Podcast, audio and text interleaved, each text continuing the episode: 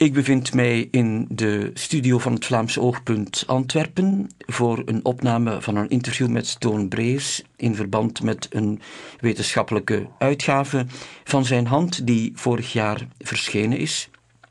En die handelt over het leven en het werk van Stijn Streuvels. Stoon Brees, bedankt dat u op onze uitnodiging bent willen ingaan. Eerst en vooral uh, mijn vraag: van waar uw belangstelling als Kempenaar voor de West-Vlaamse auteur Streuvels? Ja.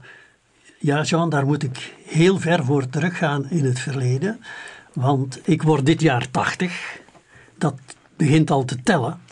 En in mijn middelbare school, het gymnasium, in het uh, poëzisjaar en de retorica, zoals men de laatste twee jaren uh, toen noemde, kreeg ik al sterke belangstelling voor Stijn Streuvels. En hoe meer ik van hem las, hoe meer er een vorm van, van verontwaardiging bij mij opkwam, omdat zelfs zijn vrienden die hem huldigden bij uh, allerlei festiviteiten die ter gelegenheid van uh, verjaardagen bijvoorbeeld voor Stijn Streuvels werden georganiseerd, maar waar hij gewoonlijk glanzend afwezig bleef, daar werd hij gewoonlijk gehuldigd als de grote beschrijver, die uitmuntte in fantastische beschrijvingen, maar er werd wel geïnsinueerd en soms ook expliciet gezegd dat hij er niet echt in slaagde om een goede of grote roman te schrijven.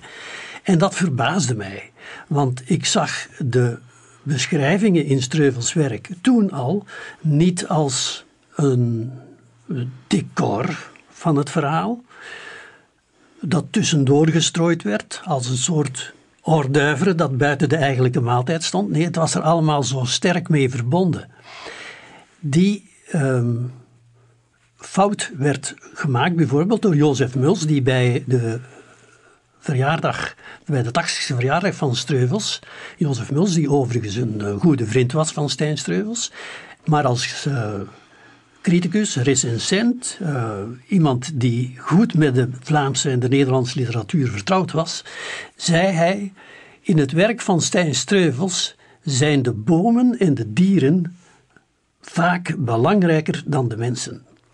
En dat is natuurlijk een grove fout. Zij zitten in het geheel waar Streuvels het over heeft, maar bij Streuvels gaat het in principe altijd om de mens. Ze zijn er eigenlijk ook echt in vastgeworteld ja, met de mensen. Zegt u, dat zegt u terecht op die manier. Goed, uh, misschien eventjes over de man zelf. Uh, Steuvels was grotendeels een autodidact. Hij was ook een echt natuurtalent. Uh, ik uh, heb vernomen uit allerlei artikels dat hij uh, een beetje zijn schrijverszeil ontdekt is, ook al in de middelbare school. Maar hij is iemand die eigenlijk de bakkerstiel geleerd heeft. Hè? Mm -hmm. En van daaruit toch aan het schrijven is gegaan. Hoe is dat gegroeid? Dat heeft vermoedelijk toch wel iets te maken met zijn genen. Zijn oom, een oom van hem was Guido Gezelle. En van hem heeft hij niet rechtstreeks uiteraard, want Guido zelf was een priester en die had er op die manier niks mee te maken. Maar het was wel een belangrijk familielid voor wie Stijn Streuvels van in zijn jonge jaren heel veel uh, uh, hield, voor wie hij bewondering had. Uh, Guido Gezelle kwam vaak bij de Lateurs thuis. En naarmate Stijn Streuvels opgroeide en jonge man werd, ging hij heel vaak in de Meersen, uh, rond uh, Avelgem met zijn oom wandelen. En dan hadden ze het heel dikwijls over literatuur, maar nooit over wat Streuvels zelf begon te schrijven of zo. Daarover werd zedig gezwegen, zou men kunnen zeggen. En Streuvels heeft dat bevestigd, dat zijn oom nooit een aanzet heeft gegeven om uh, het over zijn eigen werk te hebben. Zijn eigen werk van Guido Gezelle dus, maar over het werk van Stijn Streuvels ook niet. Dat lag een beetje in de natuur van uh, de gezelles, meer dan in die van Lateurs vermoed ik. Want toen Stijn Streuvels op het eind van zijn leven, nog, uh, toen hij al 90 jaar was, de publicatie Chroniek van de familie Gezelle publiceerde, dan heeft hij daar redelijk ongenadig, mag je wel zeggen, de karakteristieken van de gezellenfamilie blootgelegd. En een van die karakteristieken is dat men het nooit heeft over het intieme dingen. En met intieme dingen bedoel ik dat heel ruim. Ook dingen uh, waarover men niet sprak, was bijvoorbeeld wat, waarmee men bezig was. Uh, de activiteit die men deed buiten het gewone dagelijkse doen. Zoals schrijven, wat toen heel vaak met een scheef oog bekeken werd. Men was bijna een zonderling als men schreef in die oude West-Vlaamse dorpen. En uh, Guido Gezelle heeft daarover gezwegen, Stijn Streuvels heeft daarover gezwegen in hun wederzijdse gesprekken. Maar dat neemt niet weg dat Streuvels zelf een grote bewonderaar was. En Guido Gezelle vermoedelijk ook van zijn neef.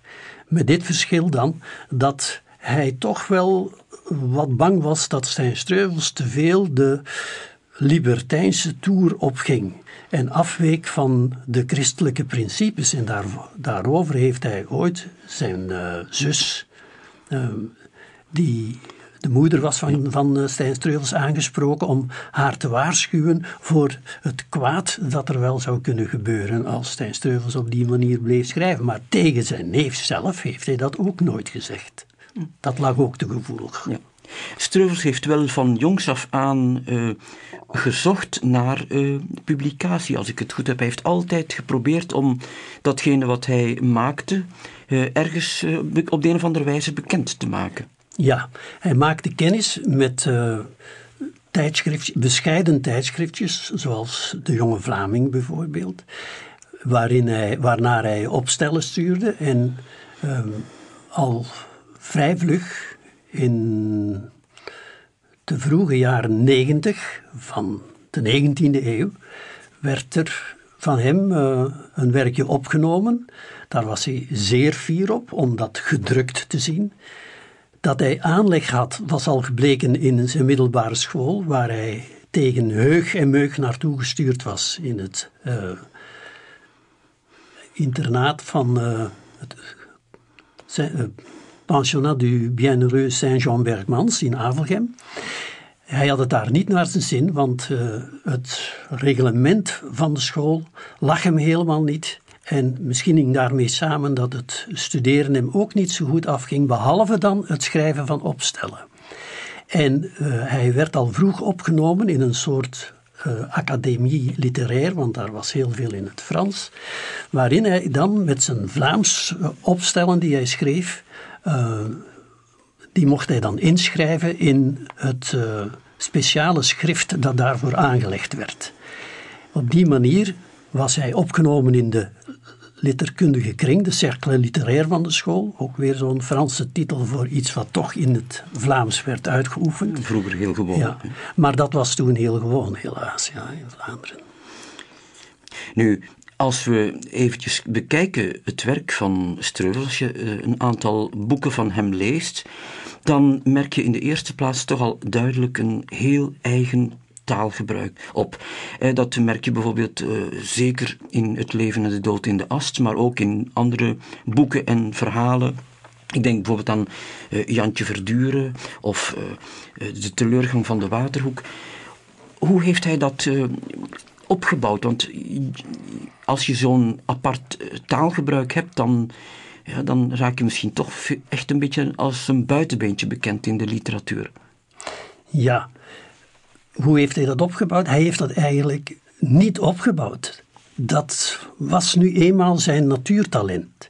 En dat klinkt als een mythisch begrip, maar het is het niet. Het is een, eh, een vaststelling die je kan doen, een objectieve vaststelling dat van in zijn eerste werk dat natuurtalent aanwezig was. En dan bedoel ik met zijn eerste werk die uh, verhalen of schetsen die opgenomen zijn in zijn debuut. Dat was Lenteleven in ja. 1899. Um, verhalen als, uh, en dan in die periode 1899-1900, verhalen als In het Water. Wat een prachtig verhaal is, is overigens uh, verfilmd. Maar het heeft als taal ook dezelfde kenmerken die later zullen blijven. Ook wit leven, dat over een kwezeltje gaat, een kantwerkstertje, dat verkracht wordt door een smid. En de titel zelf suggereert al dat wit leven staat tegenover de zwartheid van de smid. En Streuvels werkt dat sterk uit in de karakters, maar de karakters komen precies tot stand in het werk van Streuvels toen al door de manier waarop hij hen in taal creëert, meer dan in de gebeurtenissen alleen. En daarbij wil ik meteen beklemtonen dat heel veel van onze auteurs, onze, onze goede auteurs eveneens, dat zij bijna allemaal gebeurtenissen vertellen in het algemeen Nederlands, of wat er toch enigszins op lijkt, maar dat ze vooral geïnteresseerd zijn in hoe ze met hun algemeen Nederlandse taal de karakters tot stand kunnen brengen. Nu, wat Streuvels doet is eigenlijk hetzelfde, maar hij is met dat algemeen Nederlands, dat hij nogthans vrij goed kon hanteren, zoals we zien in een verhaal waar het dialect minder van belang is, uh, zoals De Blijde Dag bijvoorbeeld. Maar over het algemeen heeft Streuvels onvoldoende woordenschat. Hij heeft er altijd tekort om zijn mensen en alle dingen die rond de mensen voorkomen in de, wortel, in de grond waarin zij geworteld zijn. En in het beperkte uh, universum waarover hij het heeft, maar waarin hij toch universele mensen creëert, dat wil hij altijd doen met zijn eigen taal. En dat is een recht wat hij voor zichzelf opeist. En daarin kan ik hem alleen maar groot gelijk geven. Wij zijn allemaal geneigd om elke schilder, elke beeldhouwer, iedere kunstenaar, zeg maar, uh, gelijk te geven dat hij zijn eigen medium creëert. Alleen voor een schrijver, en dat is een goede zaak voor de uitgevers als het in het algemeen Nederlands is, want dan hebben ze meer kans om veel exemplaren te verkopen. Bij het schrijven hebben we nog altijd veel schoolmeesters aan de rand staan. Ik ben zelf ook een uh, leraar geweest, uh, heel mijn beroepsjaren. Maar ik ben nooit bij die schoolmeesters aan de kant gaan staan die tegen een schrijver zeggen: Maar je zou eigenlijk beter in het algemeen Nederlands schrijven. Waar bemoeien ze zich in godsnaam mee? Laat een kunstenaar-schrijver gewoon zijn medium gebruiken zoals het past. En dan schrijft hij misschien meer voor zichzelf dan voor het publiek. En dat kan zich uiten in uh, minder exemplaren. Nu voor Streuvels is dat vele jaren niet het geval geweest, want hij had al heel vroeg besloten om te leven van zijn pen. En dat is hem ook goed gelukt. Wat niet betekent dat al zijn werken door hemzelf als literair werk zijn uh, uh, uitgedacht en gecreëerd, maar veruit de meeste wel. Tussendoor heeft hij ook dingen gedaan om de broden. Maar dan gaat het niet over de verhalen die wij van Streuvels kennen. Dan gaat het om vertalingen bijvoorbeeld. Of om soort documentaire werken zoals Land en Leven in Vlaanderen en dergelijke dingen. Ja. Toch, uh, ondanks uh, het feit dat je wat moeite moet doen om uh, zijn taal te begrijpen, toch weet hij je echt mee te nemen in zijn verhalen. Hè? Hij heeft een vloeiende manier van schrijven en in zijn beschrijvingen eh, wordt zowel de natuur als wat mensen doen, dat wordt op een gelijke manier behandeld en op die manier neemt hij als het ware toch bij de hand en hij laat je deel zijn als het ware van het verhaal. Hè? Ja, maar dat formuleert u zeer goed, omdat het allemaal door hem in het verhaal opgenomen wordt. De beschrijvingen, zoals ik daar straks al even zegde, maken werkelijk deel uit van het verhaal. En of dat nu om een klein verhaal gaat als Wit Leven of In het Water, of een groot verhaal als De Vlasgaard, of de fantastische novelle Het Leven en de Dood in de Ast. Het is altijd hetzelfde recept, omdat Streuvels in feite niet anders kan. Hij wil, of De Werkman is ook zo'n fantastisch verhaal. Uh, hij kan niet anders dan de mensen uitbeelden door zijn taal en het milieu waarin die mensen leven moet daarbij natuurlijk ook aan bod komen, maar in de mate dat het meespeelt. En zeker in het leven en de dood in de ast is dat zo voor het grijpen. Maar dat is ook het geval in uh, de Vlasgaard, waar de natuur zo uitbundig beschreven wordt in de vier seizoenen, waarop het boek ook gebouwd is. Maar ook daar stofferen zij niet alleen het verhaal als decor, maar vormen zij de aanzet of de voorbereiding van wat er bij de mensen te gebeuren staat. Streuvels slaagt er ook in om bij verhalen die zich op één plaats afspelen, en ik denk aan het leven en de dood in de ast, om toch een wereldwijde dimensie aan dat verhaal te geven. Hij laat daar echt ook de existentiële vragen aan bod komen. En ook uh, wat mensen bezighoudt, wat mensen denken. Uh, het, de zielenroerselen als het ware van de mensen. Dat is toch eigenlijk een zeer opmerkelijk gegeven. Absoluut. En in het leven en de dood in de ast vormt dat werkelijk de top van zijn werk. Maar die uitbeelding van de universele mens vinden we in heel veel van zijn werk. In feite in bijna al zijn creatief werk. Maar aan de top daarvan staat inderdaad het leven en de dood in een ast. Hij heeft wel eens tegen, uh, ik weet niet meer precies tegen welke persoon, maar uh, de uitspraak daarvan is bewaard, ook op een kaartje, heeft hij gezegd dat hij het meest hield van Langs de Wegen. Maar in een brief aan zijn Duitse uitgever Adolf Speeman heeft hij geschreven dat het werk waar hij het meest van houdt, het leven en de dood in de ast is. Die Männer am feurigen Ofen, zoals het in de Duitse vertaling heet. Hmm. Ja, ja mooi. Toch wordt Streuvels heel vaak, of werd hij nog, en misschien wordt hij nog altijd, eh, neergezet als niet meer dan een heimatschrijver. Vindt u dat terecht? Dat vind ik helemaal niet terecht, want dan weten die mensen die dat zeggen niet waarover zij het hebben. Hebben zij in ieder geval niet goed Streuvels gelezen, want in Streuvels komen niet uh, raak getekende, met wat humor uh, bedeelde figuren aan het woord, zoals meestal in uh, regionale literatuur. Speciale types uit een bepaalde omgeving, die, niet dat die bij Streuvels niet voorkomen, maar wat Streuvels anders doet dan de regionalisten, dat is dat hij universele mensen neerzet. U had het daar zelf daar straks ook al over. Die met de fundamentele dingen van het leven bezig zijn. Met de dood, met de liefde, met seks. Dat zijn de problemen die niet occasioneel of anekdotisch voorkomen, maar dat is wat die mensen bezielt en drijft. De gang van de eeuwige dingen waarmee ze bekommerd zijn, um, die ze niet altijd zelf onder woorden kunnen brengen, maar die Stijn Streuvels, door de manier waarop hij zijn personage stekent, toch tot in de, het diepste van de ziel van zijn personages laat kijken. En daardoor precies wijkt hij af van de regionalisten. Er is natuurlijk de. Uh, handicap, zou je kunnen zeggen, van de taal bij het lezen bij sommige mensen die gewoon verwachten dat ze een vlot lezend algemeen Nederlands of iets wat erop gelijkt. Heel vaak is het toch ook maar het verkavelingsvlaams dat je in vele uh, tv-series en zo hoort en dat in feite ook uh, tamelijk ver van het algemeen Nederlands staat. Ja. Maar Streuvels heeft een creatieve kunsttaal die echter niet als gemaakt overkomt, maar als vanzelfsprekend passend bij uh, het verhaal. En laat dat nu dialectisch gekleurd zijn, want het is geen dialect. Hè. 90% van zijn taal in elk werk is algemeen Nederlands. Mm -hmm. Maar je botst natuurlijk, als je er niet mee vertrouwd bent, alle momenten op een dialectwoord dat je misschien niet direct uh, herkent. En als er dan geen woordverklaring of zo bij staat, dan voelen sommige lezers zich misschien een beetje verloren. Maar dat heeft niets met regionaal schrijven te maken. Dat heeft alles te maken met wat ik daarnet al uh, noemde: het recht van de kunstenaar op zijn eigen medium.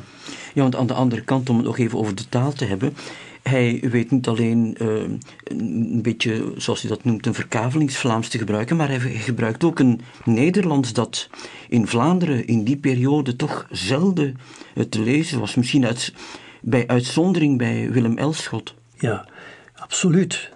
Zoals zijn oom Guido Gezelle de taal vernieuwd heeft en bruikbaar gemaakt heeft voor uh, dichtwerk, voor de poëzie, zo heeft zijn Streuvels dat gedaan voor het proza. Want inderdaad, in de periode waarin hij debuteerde, waren uh, bijna alle verhalen in het meest schabouwelijke Nederlands. En dan bedoel ik niet alleen dat het slecht uh, geschreven taal was, maar zelfs als men weinig fouten maakte tegen uh, een vorm van goed taalgebruik, en dan bedoel ik echt niet alleen maar het algemeen Nederlands, want dat bestond toen amper. Stijn Streuvels beheerste dat van meet af aan in feite, maar hij wilde het niet gebruiken als zodanig, omdat het voor zijn werk niet geschikt was. Maar hij kon het wel. Maar hij, ja, hij kon het wel. Als je hem hoorde spreken, hoor je natuurlijk het West-Vlaamse accent. Hè? Dat is duidelijk. En de West-Vlaamse woorden kwamen zomaar opborrelen, maar niet alleen West-Vlaamse, want hij heeft uh, aan Emmanuel de Bom ooit geschreven. Ik kom overal woorden tekort en als ik ze niet vind, zoek ik ze desnoods in uh, een Middel-Nederlands woordenboek of waar dan ook, tot ik het juiste woord wat ik daar nodig heb gevonden heb. Ja. Hij heeft dus de taal verlevendigd. Uh, geschikt gemaakt om in het Nederlands te schrijven. Want in Franstalig België keek men met een zeker misprijzen naar de Nederlandse literatuur. Uh, men noemde het Vlaams zelfs een patois. Ja, ja, ja, ja. Uh, Materling bijvoorbeeld keek ook echt met misprijzen neer op het werk van de Vlamingen, maar niet op dat van Stijn Streuvels. Merkwaardig. Ja, dat weten we uit contacten van Materlink met uh, Cyril Buijsen. Heel vreemd. Maar uh, heeft dat ook voor veel jaloezie gezorgd onder de Vlaamse literatoren? Het feit dat hij zo'n eigen gang ging, zo uh, onconventioneel en echt doorzettend een eigen stijl probeerde te hanteren? Ja, er was zeker wel jaloezie, maar Stijn Streuvels steeg al rap met kop en schouders niet met zijn werkelijke gestalte, maar met zijn literair werk boven uh, de meeste andere auteurs uit. Zodat er al heel gauw heel veel respect was voor zijn streuvels. In Vlaanderen, maar ook in Nederland. De receptie was zeer goed in Nederland in de eerste jaren, lange jaren van uh, zijn debuut en daarna. Hij heeft ook uh, direct een stevige uitgever gevonden in Nederland. En ook dat was een kenmerk. Ik herinner mij een uitspraak van uh, een Nederlandse recensent. Die zegde, ja, we begrijpen niet altijd die taal van Stijn Streuvels, maar we zullen het wel leren. En dat was de juiste houding. Hè? Ja. Dus hij heeft op die manier toch veel krediet gekregen, ook in Nederland. Hij heeft heel veel krediet gekregen. Niet dat er geen jaloersheid was. Het is wel zo dat er gemakkelijk in kunstkringen, en dat is uh, niet. Uh, alleen van deze tijd zo, dat er toch gemakkelijk kringetjes, uh, cenakels, uh, uh, ja, groepjes gevormd worden, die natuurlijk voor een stuk ook en zeker toen ideologisch bepaald waren. Want een andere grote auteur die uh, al iets vroeger uh, begonnen was met uh, belangrijk werk was Cyril Buijsen. Mm -hmm. Men stelde het wel eens voor alsof er een wederzijds wantrouwen of zo tussen die, uh, of jaloersheid tussen die twee uh, schrijvers bestond. Dat was niet echt zo. En uh, bij Stijn Streuvel zelf kunnen we daar heel weinig van vinden. Bij Cyril Buijsen moeten we ook echt zoeken om negatieve uitspraken over Stijn Streuvels te vinden. Maar het is wel zo dat naar aanleiding van een grote viering van Cyril Buijsen rond 1910 dat er toen echt onderscheid gemaakt werd tussen Stijn Streuvels en Buijsen. Onder meer omdat Stijn Streuvels, en dat was zeker een van de oorzaken daarvan, al verschillende keren de driejaarlijkse staatsprijs gekregen had en Cyril Buijsen nog niet. Nu, Cyril Buijsen had die even goed verdiend mm -hmm. als Stijn Streuvels, maar het leidde wel tot jaloersheid die dan door diegenen die Cyril Buijsen omringden uh, geventileerd werden in de pers natuurlijk even verder kijken dan ons Vlaamse land. Welke zijn de invloeden geweest die het werk van Stijn Streuvels hebben gekenmerkt? Stijn Streuvels zelf heeft uh, geschreven over uh, invloed, zonder dat, zo expliciet als uh, invloed te benoemen, maar de bewondering die hij had voor de grote Russen, Tolstoy, Dostoevsky. Hij kon ook wel Russisch lezen. ja, hij, ja, Stijn Streuvels had een talent voor talen. Hij heeft zich verschillende talen eigen gemaakt. Van nog voordat hij bakker was, las hij ongeveer alles wat er gedrukt was en wat hem in handen kwam, wat in Avelgem niet zo vanzelfsprekend was als mhm. vandaag. Hij heeft trouwens ook Tolstoy vertaald vanuit de Duitse ja, versies. Hè? Ja, ja, ja, dat heeft hij zo goed uh, hij, hij kon dus wel tamelijk goed Russisch lezen, maar we mogen uh, het verhaal niet vertellen dat hij uit het Russisch vertaalde. Nee. Dat deed hij aan de hand van Duits. En het, hetzelfde gebeurde met de grote Scandinaven. Oh ja, ja. ja. Uh, dus uh, ja, ik denk ook bijvoorbeeld aan werken van Emile Zola. Die hebben heel veel gemeen met het werk van Stijn Streuvels in de, die zin dat het onvermijdelijk altijd doorgaat en doorgaat. En uiteindelijk, ja, het, het is onontkoombaar. Ja, ja, absoluut. Uh, die verwantschap is er, maar het is zeker geen beïnvloeding geweest van jongs af bij Stijn Treuvels. Hij heeft Zola later leren kennen dan men over het algemeen aanneemt. Hij wist wel dat uh, Zola bestond, maar hij heeft hem zeker niet in de, in de late jaren negentig van de 19e eeuw gelezen. Ehm, hij is er eigenlijk, mag ik aannemen uit een aantal uh, bronnen of uitspraken die ik daarover gevonden heb bij hemzelf, dat het toch pas van rond 1900 is dat hij echt vertrouwd is geworden uh, meer en meer met het werk van Zola. En op een bepaald moment in zijn oorlogsdagboek, ik denk tegen het eind van het jaar 1914 eh, vermeldt hij dat hij zich onder meer bezighoudt met een heel knappe uh, novelle van Emile Zola. Mm Streuvels heeft ook een zeer uh, uitgebreide correspondentie gehad. Met welke mensen correspondeerde hij zo onder andere in, uit de letterkundige kring? Ja, dus de grootste correspondentie heeft hij gehad met Emmanuel de Bom. Emmanuel de Bom was uh, iemand van, van nu en straks. Oh ja. Wat uh, in de jaren toen het uh, bestond, aan het eind van de 19e eeuw moet u ook nog zeggen, niet alleen vorige eeuw, maar aan het eind van de 19e eeuw heeft het enkele jaren bestaan. En Karel van de Woestijnen en Cyril Buysse en August Vermeilen waren daar de grote mannen. Zij hebben Streuvels zelf opgezocht omdat ze uh, die kleine publicaties van hem hadden opgemerkt in de kleine tijdschriftjes waarover wij het vroeger hadden. En ze hadden gemerkt wat Karel van de Woestijn hem overigens zelf schreef in een brief, dat uh, daar in West-Vlaanderen een lelie bloeide op de mesthoop. Met dat beeld drukte hij het uit. Ze hadden dus ontdekt dat daar een groot talent aan het werk was. En, dat ze, en ze vroegen of ze met, hem mochten kennismaken. En dan is er een ontmoeting ontstaan. En direct daarop is een warme vriendschap met vooral met Emmanuel de Bom ontstaan. En die correspondentie is zeer rijk. En die heeft geduurd tot aan... Uh, het overlijden van Emmanuel de Bom. Met hem is dus de grootste correspondentie te vinden, maar uh, Ernest Klaas was een andere goede vriend van hem, ook met een zeer uitgebreide correspondentie. Maar uh, voor de rest kan je bijna geen naam noemen uit de uh, Vlaamse, heel vaak ook uit de Nederlandse literatuur, met wie hij niet op een of ander moment heeft gecorrespondeerd. Jacobus van Looy bijvoorbeeld was uh, ook een hele goede vriend, samen met zijn vrouw Titia van Gelder. -hmm.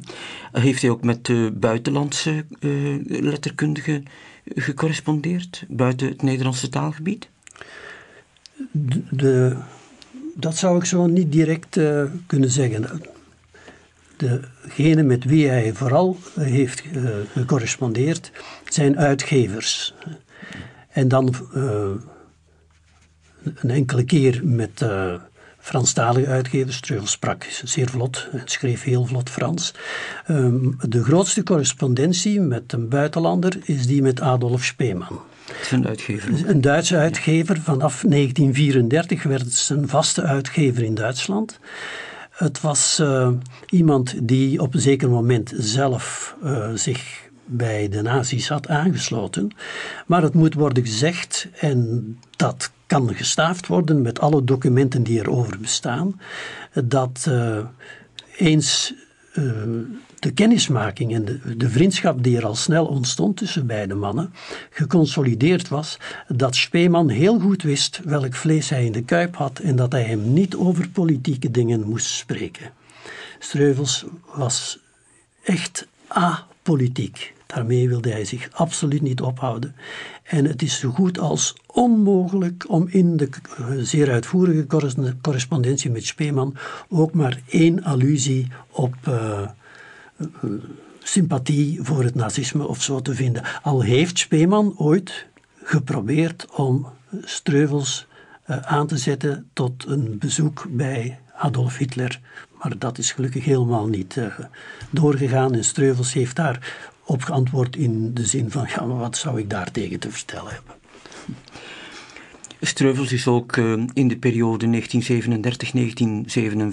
1937-1957 tot 13 keer toe en ook in 1965 genomineerd geweest voor de uh, Nobelprijs. Was hij makkelijk vertaalbaar in andere talen? Want dat lijkt me toch een vereiste om die nominatie in de wacht te slepen. Ja, dat heeft er zeker aan bijgedragen. De grootte van zijn werk zou uh, een belangrijk motief zijn om te zeggen: ja, Streuvels mocht niet alleen een goede kandidaat zijn voor de Nobelprijs, hij verdiende die ook werkelijk. Maar dan speelt natuurlijk sterk mee wat u uh, insinueert. De vertaling moet er wel zijn. En de vertalingen van zijn Streuvels zijn bijna altijd mank, omdat ze ja, gewoon onvertaalbaar zijn, die werken van Streuvels. Je moet ook echt tot in de kern begrijpen wat hij, wat hij zegt ook. Hè? Ja, ja. En hij zegt het met zijn eigen woordenschat en die is dikwijls niet voorhanden.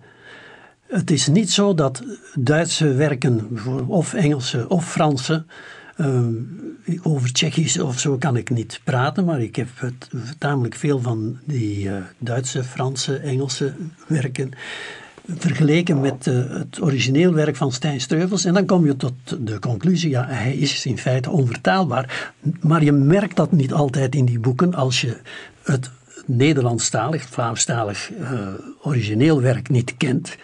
Dan zijn die boeken soms wel, als een goede vertaler was, goed leesbaar in die taal. En dat heb ik ook bij uh, Duitsstalige vrienden aan wie ik wel eens een boek van Streuvels had uh, meegegeven of aangeraden.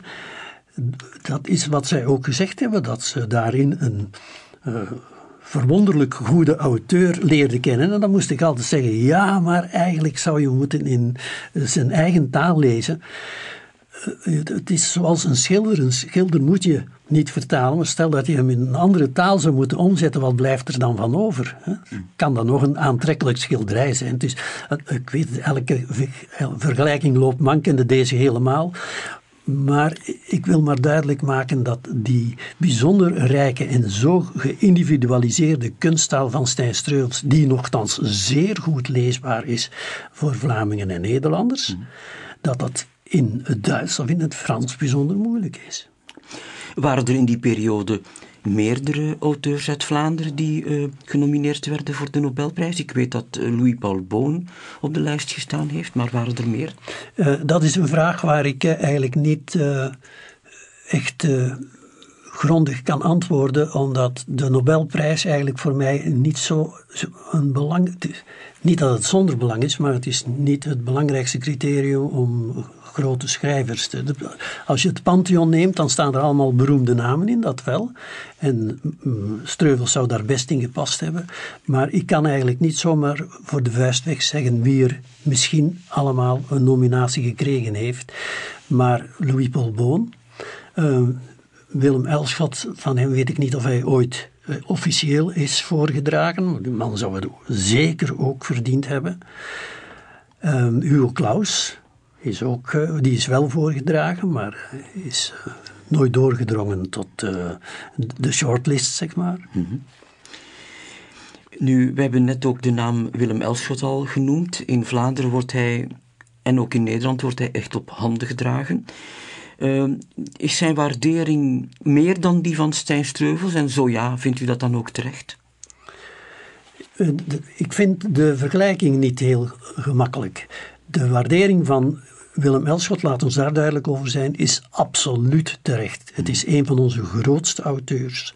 Maar hij schrijft op een totaal andere manier. hij schrijft in een kale, naakte, gedepouilleerde taal waar alle uh, versierselen van wegblijven.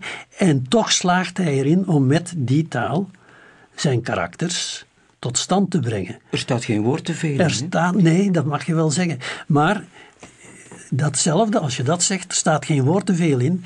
Iemand die zou beginnen met woorden te schrappen uit Stijn Streuvels om hem aan te passen aan de moderne lezer, die begaat een, uh, een criminele fout. dan haal je het verhaal onderuit. Hè? Ja, natuurlijk. Ja. ja. Ik, ik, denk maar aan ja, het eerste, het beste wat mij nu in het hoofd schiet, in de, korte inleidende beschrijving waarmee de, de vlasgaard opent, is een uh, zicht op het winterlandschap. Pas op de volgende bladzijde heeft de lezer door dat boer Vermeulen dat staat te bekijken door het venster. Maar dat maakt die beschrijving natuurlijk al veel levendiger en betrekt dat uh, bij, uh, de, veel sterker bij het verhaal en de lezer bij het verhaal. Wel, daar staat bijvoorbeeld in dat uh, het, het, land uh, zoppenat was. Uh, en dat er geen beginnen aan is. En dat in dat landschap daarin draaiden en wentelwiekten de kraaien als doodzonden zo zwart. En ze schreeuwden de eenbaarlijke triestigheid in wilde kreten over het land. Dat is heel knap geformuleerd, altijd met het fantastische ritme dat er in elke zin zit. Een poëtisch ritme dat Streuvels had. Ja, ik net zeggen, het lijkt wel poëzie. Ja, maar dat is de hele tijd zo bij Streuvels, waarlijk. En dan die uh, als doodzonden zo zwart is niet alleen maar een vergelijking. Want naar het eind van het boek toe, uh, wanneer uh, het conflict tussen de vader en de zoon tot een culminatie komt en de vader uh, een opstandige zoon vindt tegen zijn verbod in op het vlasveld waar ze aan het oogsten zijn, dan slaat hij hem neer met zijn stok.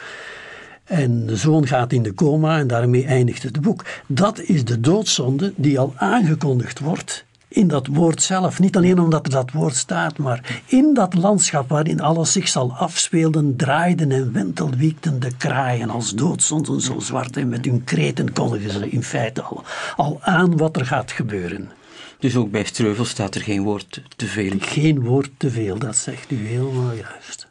Uh, een laatste vraag, er valt nog veel te vertellen natuurlijk, maar een laatste vraag. Waarom zouden de mensen in Vlaanderen uh, toch Streuvels moeten lezen? Een van onze grootste auteurs is. Ik zet hem even in een kort rijtje, waarmee ik natuurlijk bepaalde andere auteurs onrecht aandoe. Maar laat ons zeggen: Stijn Streuvels, Ivo Michiels, eh, Willem Elschot, Hugo Claus. Ik noem maar deze vier. Dat zijn alle vier zeer grote auteurs van wereldformaat. En Streuvels past helemaal in dat rijtje. Waarom zouden ze meer Streuvels moeten lezen? Wel precies om die reden, omdat het een, een, auteur is die tot ons allerbelangrijkste culturele erfgoed behoort. Maar waarom wordt hij de facto veel minder gelezen? Omdat de media er geen aandacht meer voor hebben. Omdat de media aandacht hebben en de uitgevers over het algemeen ook voor auteurs waar ze brood in zien dat kan een zakenman moeilijk kwalijk genomen worden, maar het draagt er wel toe bij dat uh, Stijn Streuvels momenteel veel te weinig gelezen wordt en ook het onderwijs gaat daar zwaar in de fout. Ik ben zelf altijd leraar geweest en in het laatste jaar van middelbare school heb ik elk jaar minstens één Streuvels gelezen, niet altijd hetzelfde boek altijd ook Ivo Michiels onder de aandacht gehad en met zeer veel aandacht voor Hugo Claus. Wat in de eerste jaren toen ik leraar was niet mocht, want we hadden een vaste lijst van het katholiek onderwijs, van de katholieke inspectie. En buiten die lijst mochten we niet gaan, maar daar heb ik er nooit een zier van aangetrokken. Het ging om literatuur, om grote literatuur en als leraar word je geacht daar inzicht uh, en kennis van te hebben. Ik heb dan ook nooit een inspecteur gehad zelfs niet als ik expliciet zeg, maar kom eens even naar mijn klas en stel vragen. U zal merken dat mijn leerlingen daar zeer verstandig kunnen op antwoorden. Maar dat uh, wimpelde de zeldzame inspecteur die bij mij op bezoek wilde komen, wimpelde hij altijd af, want zo iemand kon geen verhalen, eh, kon geen vragen stellen over uh, iemand die hij niet gelezen had. Hè. In mijn lijstje stond ook altijd een enkele keer Harry Mulisch. Van hem hield ik minder dan zou verwacht worden. Maar Jan Wolkers, oh. ja, Roos van Vlees heb ik herhaaldelijk ook met mijn leerlingen gelezen. Mhm. En de aanslag van uh, Mulisch heb ik wel gelezen. Ja. ja. Er bestaat meer en meer vraag in Vlaanderen, ook vanuit academici, om Stijn Streuvels te hertalen in het Nederlands. Dat kan nuttig zijn om hem bij uh, de gewone lezer, zeg maar, en bij de leerlingen, al kunnen die een echte Streuvels ook best aan als ze de juiste leraar voor zich hebben. Mhm. Maar het zou kunnen helpen om Stijn Streuvels dichter bij het publiek te brengen. Maar ik ben een zeer koele minnaar van zulke hertaling omdat Streuvels dan tekort gedaan wordt. het is een ontwrichting, een ontzieling van, van zijn taal. Ja, te veel eruit. Ja, het leven en de dood in de ast is uh, onlangs hertaald als uh, leven en dood in ik ben niet meer zeker of er as staat in de chicorijfabriek. Ja. Dat wil ik uh, even kwijt zijn. Mm. Uh, het is uh, vertaald door, ik, ik, weet niet precies wie. Het is een boekje dat uitgegeven is. Het is ook online te bestellen door Omer van de Putten, die veel inspanningen gedaan heeft om het leven en de dood in de ast in verschillende talen op de markt te brengen. En dat siert hem. En dat is een grote verdienste van hem, dat hij dat op die manier zijn streuvels dichter bij het publiek brengt. Maar het is natuurlijk de echte Streuvels niet meer, zelfs niet in de hertaling naar het Nederlands toe. Ja. Goed, wij gaan dus in deze knetterende letteren een verhaal laten horen van Stijn Streuvels, mijn rijwiel. Een heel apart verhaal in zijn grote oeuvre. Uh, kent u het verhaal? Ik ken het verhaal goed. Maar ik zou, het, ik zou het technisch gesproken geen verhaal noemen. Het is uh, een soort schets. Het is niet dat er een aantal gebeurtenissen in komen. Er is wel een verloop natuurlijk tussen de aanzet uh, tot uh, de kennismaking met de fiets, de, het aanschaffen van de fiets, die dan uiteindelijk toch niet goed genoeg blijkt te zijn en dan een andere fiets. Maar het is wel een als ik het een schets mag noemen. Het is een prachtige schets. het is een pareltje van een verhaal. Ja, het is, het is echt uh, een parel. Uh, ik zou er niet direct aan denken om als men mij een lijstje zou vragen om een aantal werken van Streuvels, uh, en ik zou mij moeten beperken tot uh, 10 of 15, dan zou het er vermoedelijk niet in voorkomen, mm, omdat ik de voorkeur zou geven aan wat echte verhalen zijn over universele mensen. Maar wat Streuvels hier schrijft over een gewoon gebruiksvoorwerp als een fiets, maar met de hele geschiedenis daarvan ook, dat is in feite ook iets universeels. Dat is voor een groot stuk ook herkenbaar zelfs uh, het grappige dat hij zo fier is op zijn fiets dat hij hem zou willen strelen en niet kan ophouden met er bewonderend naar te kijken. Mm Hetzelfde heb ik al herhaaldelijk door fanatieke uh, wielerliefhebbers horen zeggen. Ze hebben dan een nieuwe fiets gekocht en ik heb meer dan eens iemand horen zeggen ik weet niet of ze het echt gedaan hebben. Ik zou hem liefst willen meenemen naar mijn slaapkamer, zodat ik hem ook daar altijd kan zien. Goed, we gaan over het verhaal verder niks vertellen. We gaan dat straks laten horen.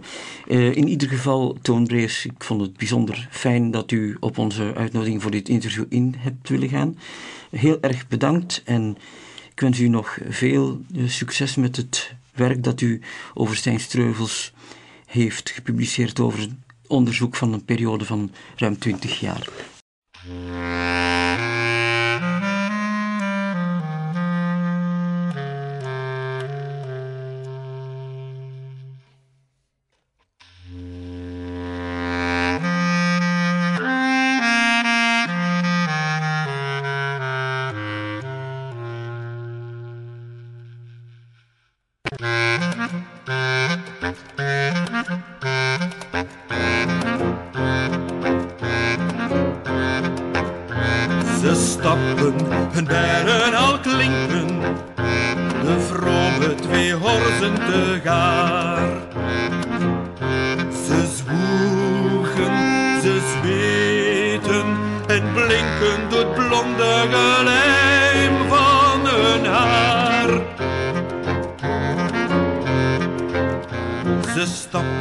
Ze stappen, ze stijven, de strengen en trom de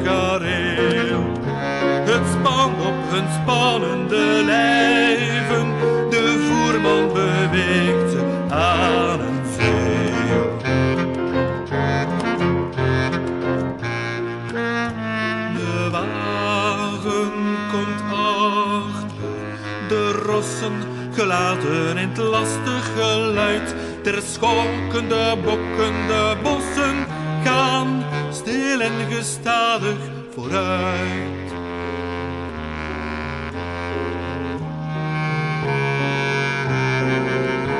Geen zwepen behoort er te zinken, geen snoeren genaakt er in haar. Zo stappen en bellen